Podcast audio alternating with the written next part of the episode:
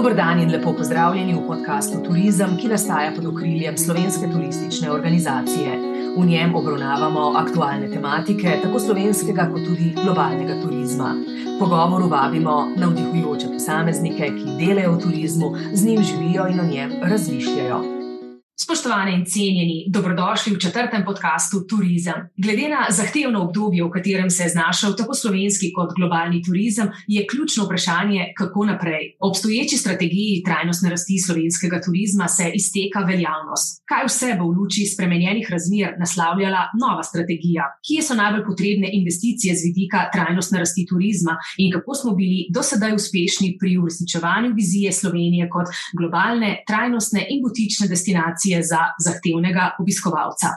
Na vse to bomo skušali odgovoriti z našima današnjima gostoma. Z nami sta Ksenija Flegar, vršilka dožnosti generalne direktorice Direktorata za turizem pri Ministrstvu za gospodarski razvoj in tehnologijo, in Peter Vesenjak, strokovnjak za turizem in direktor svetovalne družbe Hosting DO. Lep pozdrav obema. Lep pozdrav. Lepo pozdravljeni. Pa začnimo z vami, gospa Ksenija Flegar. Lani, konec decembra, ste nastopili funkcijo vršilke dožnosti generalne direktorice. Kakšni so zaenkrat prvi vtisi, kako ste se prilagodili kot pomurka v Ljubljani? Ja, res je. Ekipi za, na direktoratu za turizem sem se pridružila šele pred kratkim. Zato sem danes še toliko bolj počaščena, da sem lahko v družbi poslušalk in poslušalcev tega podcasta. Na direktorat prihajam v izjemno težkih časih za turistično in gostinsko dejavnost. Pričakovanja in pritiski so posledično seveda zelo veliki. Na nas, na direktoratu, pa je, da jim bomo znali in seveda morali biti kos. Kot rečeno, prihajate iz Pomorja, po izobrazbi ste magistra politologije. Turizem ste v preteklosti spoznavali zlasti skozi priprave projektov za najrazličnejše razpise, kar vam je omogočilo zelo natančen pogled v ozadje številnih turističnih zgodb in procesov. Kako lahko dobro poznavanje področja regionalnega razvoja, upetost v mednarodne organizacije, del katerih ste bili, trenutno izkoristite v prid slovenskega turizma? Tako je. Zdaj, v bistvu, posredno sem bila vse čas nekako tudi povezana z temi eh, čudovitimi zgodbami, ki smo jih pisali na področju turizma v zadnjih letih v slovenskem prostoru. Zagotovo ta, eh, bom rekla, različne izkušnje, različni pogledi in aspekti skozi delo, ki sem jih tekom pač svoje kariere tudi nekako pridobivala, uh, ustrezno tudi sedaj v teh težkih časih pridejo prav. Um, in pa seveda tudi vse te uh, povezave, ki sem jih tekom dela tudi pridobila, da lahko na različnih področjih, tudi z različnimi sogovorniki, marsikatere stvari tudi predebatiram. Vedno me je potekom svojega, eh, bom rekla, nekako karijere oziroma karierne poti vodila ta eh, motivacija k enakomernemu eh, regionalnemu razvoju in pa seveda posledično tudi, da se čisto vse regije, vključno z mojo domačo, pomorsko, seveda tudi enakomerno tudi razvijajo tudi v turizmu in na tem nivoju. Lahko rečemo tudi, da imate nekakšen drugačen pogled, glede na to, da ne prihajate iz prestolnice, ampak iz obrobja. Zagotovo, zagotovo in tudi verjetno eh, drugačne izzive, z katerimi se soočamo potem tudi na periferiji. Ne? Gospod Vesenjak, eh, mogoče kratek komentar, kako vi spremljate trenutno stanje slovenskega turizma. Še lani ste dejali, da se turizmu dogajajo tektonski premiki. Ja, seveda je sedanja situacija z pandemijo COVID ustvarila posebne pogoje za, za krč eh, turizma v Sloveniji, kot tudi v svetu. In seveda je potrebno prilagoditi tako razmišljanja kot ukrepe in razvojne in trženske aktivnosti tej situaciji. Eh, še posebej v času COVID-a, seveda, ne, drastično, ne, v času po COVID-u, oziroma v času ukrevanja po COVID-u, pa prav tako. Slovenski turizem je v času, času COVID-a po eni strani eden od najbolj prizadetih v Evropi, z uh, več kot 70-odstotnim padcem mednarodnih prenočitev v letu 2020 kar je nad poprečjem drugih držav članic Evropske unije.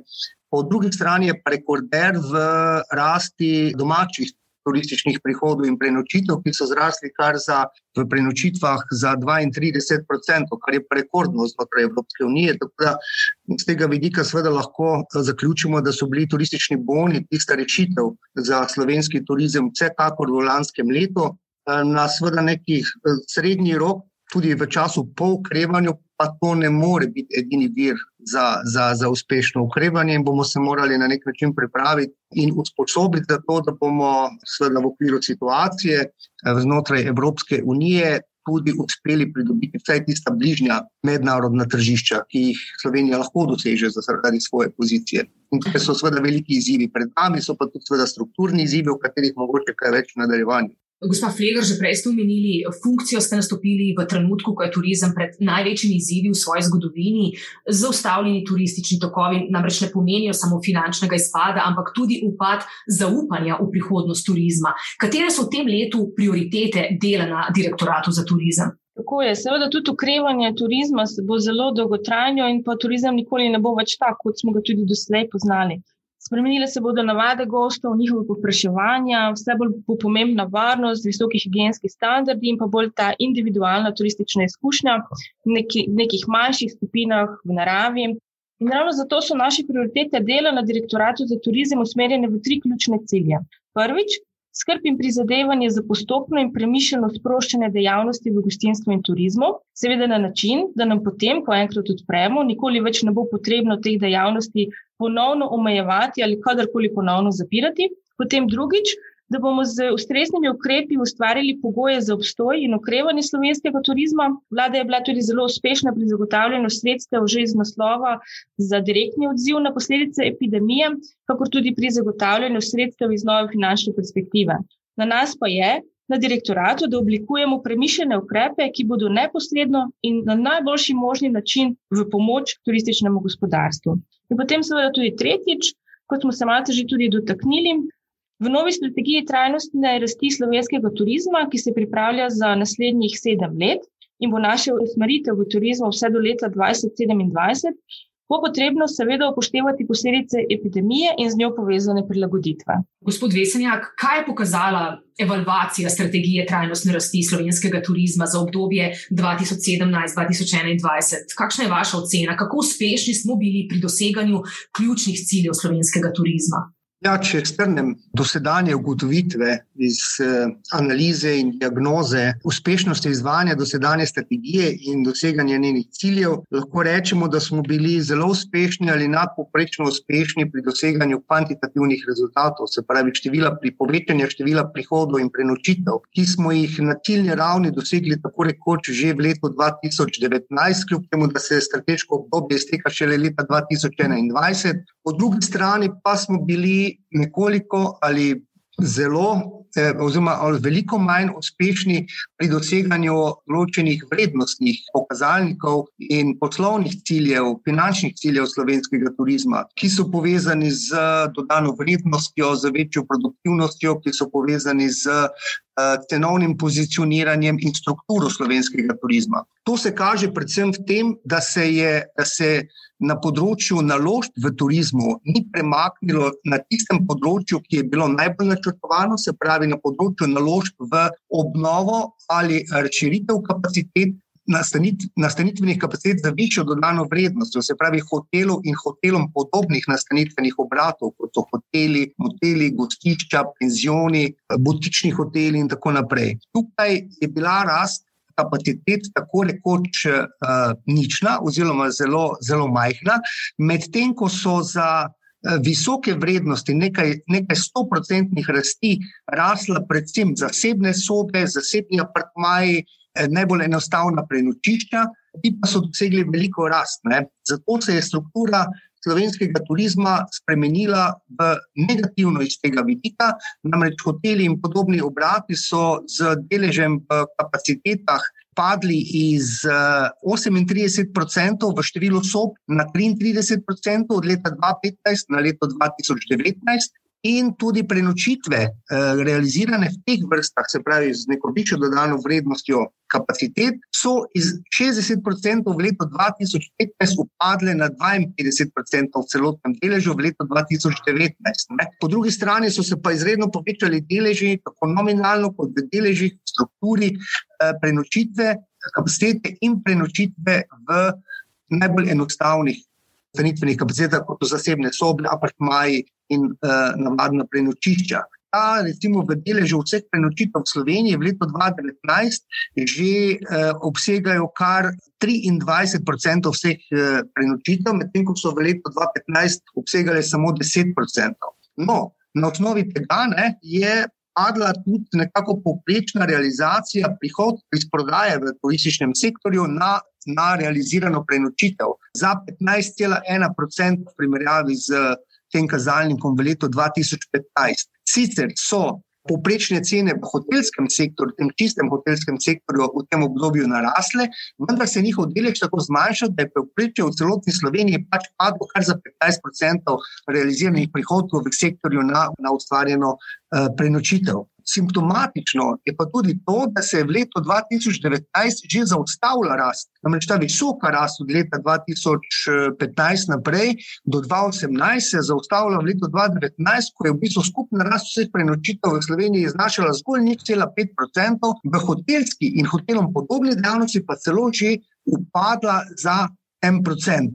Kar pomeni, da tudi ta rast nekako zgleda, da ni bila ravno trajnostna, ne? ampak je bila posledica najverjetneje mednarodnih trendov in tudi seveda ustreznega pozicioniranja ali pa pozicioniranja Slovenije, ki je pritegnilo ustrezen, ustrezen obseg povprečevanja, sicer z nižjo kupno močjo povprečno, ampak to so dejstva. Ne? In ne glede na, ne glede na eh, epidemijo COVID-a in krizo COVID-19, je slovenski turizem zaradi tega seveda pred določenimi izzivi, ki so predvsem povezani z povečanjem dodane vrednosti, cenovne pozicije, povečanjem strukture nastanitvenih kapacitet z nekoliko višjo kakovostjo oziroma dodano vrednostjo. Tu ne govorimo samo o hotelih, govorimo o gostiščih, penzionih, zasebnih, eh, družinskih hotelih, govorimo o turističnih kmetijah z nastanitvijo in podobno. Skratka, o vseh tistih vrstah turistične infrastrukture, ki ustvarja neko večjo dodano vrednost in seveda je bolj strukturirane oblike. Med izzivi tudi, uh, je tudi poprečna doba bivanja, ki če nadalje pada, v letu 2019 dosega 2,4 dneva, oziroma 2,5 dneva, pardon, tujih turistov uh, predstavlja 2,4 dni, poprečna doba bivanja v letu 2019, kar je krajše kot v letu 2015. In v hotelski dejavnosti celo samo 2,2 dni poprečna doba bivanja tujih turistov. Tako da tudi sezonsko še je, rekel, tudi eh, na kritični ravni. Ne? Namreč v preteklih 4-5 letih se je ta obseg prihodov in prenočitev povečeval predvsem z višjo stopnjo v poletnih mesecih, z nulto ali pa manjšo stopnjo pa v mesecih izven glavne poletne sezone. Tako da se je povečala še sezonskost, na kateri bo seveda tudi potrebno delati in iskati priložnosti za enakomernejšo porazdelitev prenočitev uh, v, v, v vseh sezonah. Ključno, ključni izziv se kaže v tem pomankanju investicij v preteklem obdobju, ki niso bile realizirane, kot je bilo v strategiji opredeljeno, ne, sploh ne v tistih področjih, kjer bi naj se, se pravi v tistih višjih strukturiranih kakovosti eh, turistične infrastrukture. In uh, te investicije, seveda, so izredno potrebne, to, tako na področju prenove in dviga kakovosti infrastrukture obstoječih kapacitet, kot tudi določenih programskih vsebin in širitvi tistih bolj kakovostnih eh, nastanitvenih turističnih objektov. Ne.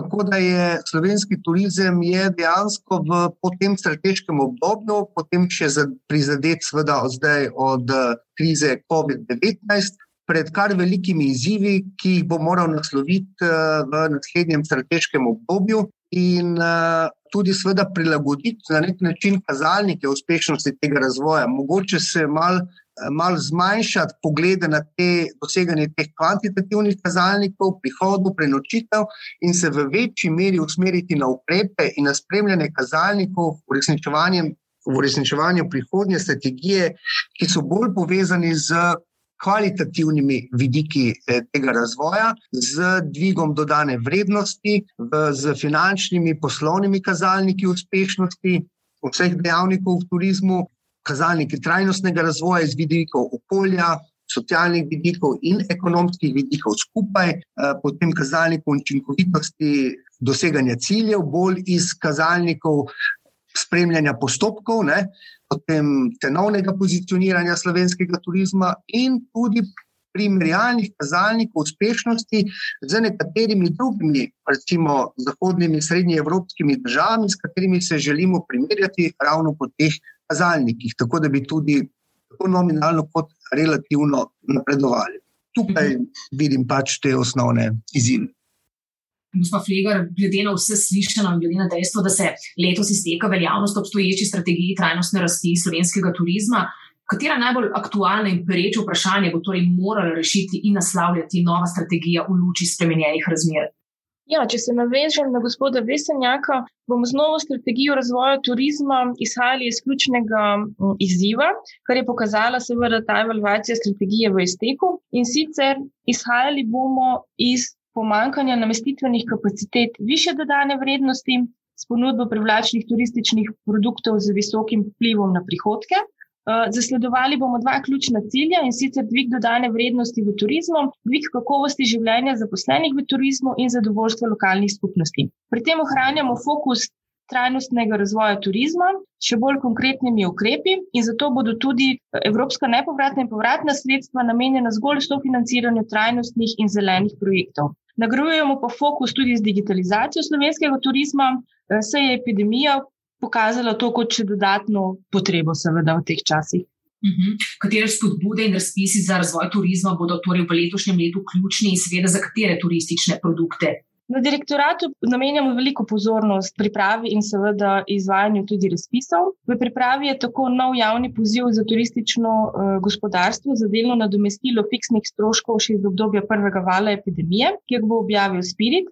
Teku so projekti na osnovi javnega razpisa za dvig kompetenc in digitalizacije kulturne dediščine v vodilnih destinacijah. Prav tako se izvajo projekti na osnovi javnega razpisa za spodbujanje integralnih turističnih produktov.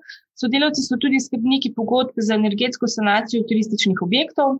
Prav tako je odprt tudi javni razpis za letalske prevoznike, s katerimi želimo spodbuditi letalsko povezljivost Slovenije in mednarodnega potovanja spet nazaj k nam. V pripravi je tudi nov javni razpis za spodbujanje uvajanja okoljskih znakov, nastanitvene kapacitete Pripravljamo pa že javne razpise na osnovi načrta za okrevanje in odpornost, s katerimi nameravamo spodbujati vlaganje v turistične kapacitete in javno turistično infrastrukturo, kot sem tudi že prej omenila.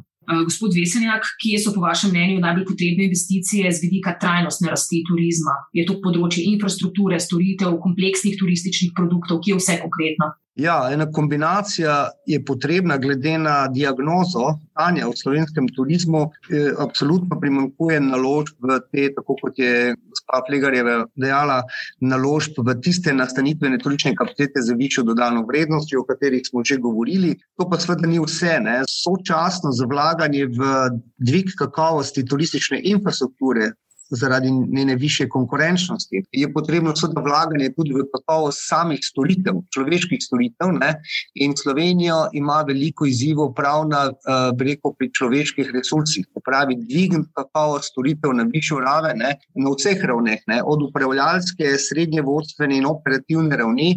In tukaj bo tudi potrebno vložiti kar nekaj napora v, v to, da bodo človeški viri usposobljeni za to višjo kakovost, predvsem na tistih področjih, ki so, ki so zahtevana v prihodnjem obdobju. To je digitalizacija, to je trajnostni vidiki eh, izvajanja storitev in seveda tudi osnovni vidiki v turizmu, kot so gostoljubnost in profesionalnost pri izvajanju storitev. Uh mhm. eh, -huh. Skratka, mi moramo dvigniti kakovost storitev, sočasno z dvigom uh, ravni turistične infrastrukture, to pa tudi ni dovolj. Namreč vsi turistični ponudniki, bodi si so to nastanitveni objekti, hoteli, penzioni, gostišče, kampi, kdorkoli, nastopajo za svojo ponudbo v turističnih destinacijah in gosti obiskujejo turistične destinacije, ne hotele. Ne hotel si izbere pač v destinaciji, ki si jo izbere za svoje bivanje. In problematična in veliki ziv v slovenskem turizmu je tudi urejenost in kakovost javne in skupne turistične infrastrukture v destinacijah. Recimo, Alne obloge, prometnice, določene poti, sprehajalne poti, parki, spomeniki, zgodovinska mestna jedra. Skratka, tisto, kar mora biti urejeno, čisto in prezentirano za najvišjo kakovost obiskovalcem in turistom, koliko želimo doseči dodano vrednost. Ne. Tudi hoteli in nastan, druge nastanitvene kapacitete ne morejo doseči namreč ustreznega cenovnega pozicioniranja in dodane vrednosti, ne glede na zvlaganje v svojo infrastrukturo in kakovost, koliko tudi okolje v destinaciji ni prirejeno temu, da dviguje kakovost in dodano vrednost. Zato je potreben napor tudi naložbe v javno in skupno turistično infrastrukturo v destinacijah. Ne.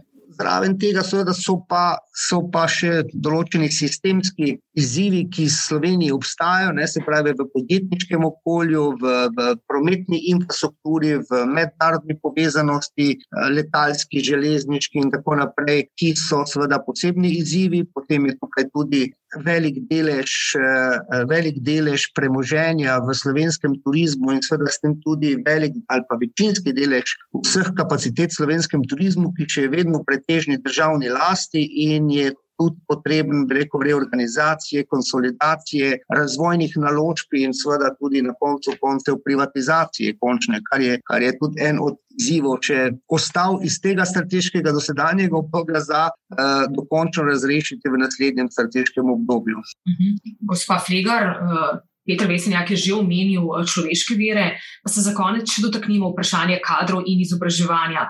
Namreč turizmu grozi do 30 odstotna brezposelnost in turistični kader so v želji po preživetju seli v druge panoge. Znotraj panoge so največje žrtve gostinci in njihovi zaposleni, poleg industrije srečanja in mestnega turizma. Eh, gostinsko-turistične šole opozarjajo, da praksa nadaljavo ni bila isto kot šolanje v živo. Kaj na tem področju narediti v prihodnje? Kaj bo prihodnje z izobraževanjem turističnega kadra? Boste temu posvečali še posebno pozornost? Absolutno, ja. In če smo se pred epidemijo v bistvu veliko ukvarjali s problematiko pomankanja kadrov v gostinstvu in nekaterih poklicih v turizmu, se danes ukvarjamo z ohranitvijo delovnih mest. Pripričana sem, da je zelo pomembno zagotoviti učinkovito upravljanje s kadri v turizmu na dolgi rok, ter ustrezno nagrajevanje turističnih delavcev, vse je motiviran in za svoje dobro delo nagrajen delavec, v bistvu najboljši delavec. Spodbujati je potrebno pridobitev novih znanj in spretnosti na vseh nivojih, skladu seveda s trendi v razvoju turizma.